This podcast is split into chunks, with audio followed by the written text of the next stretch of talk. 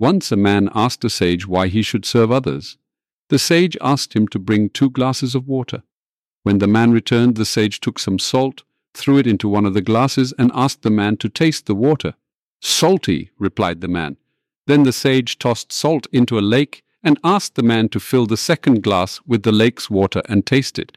Fresh, the man said. The sage explained, Your life can be like that glass of water.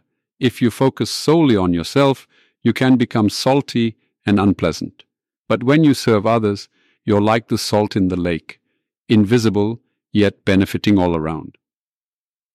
In a world full of rush and individualism, the question, why should I serve others, becomes increasingly relevant.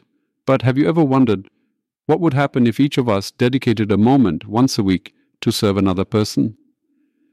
When we help others, we not only give something of ourselves, but we also become part of a broader community. A person who serves gains friends, neighbors, and co actors. Together, we build a stronger, more united community. There are times in life when we feel hurt, alone, or desperate. Serving others allows us to find solace in acts of kindness, offering us a chance to heal our wounds by helping others.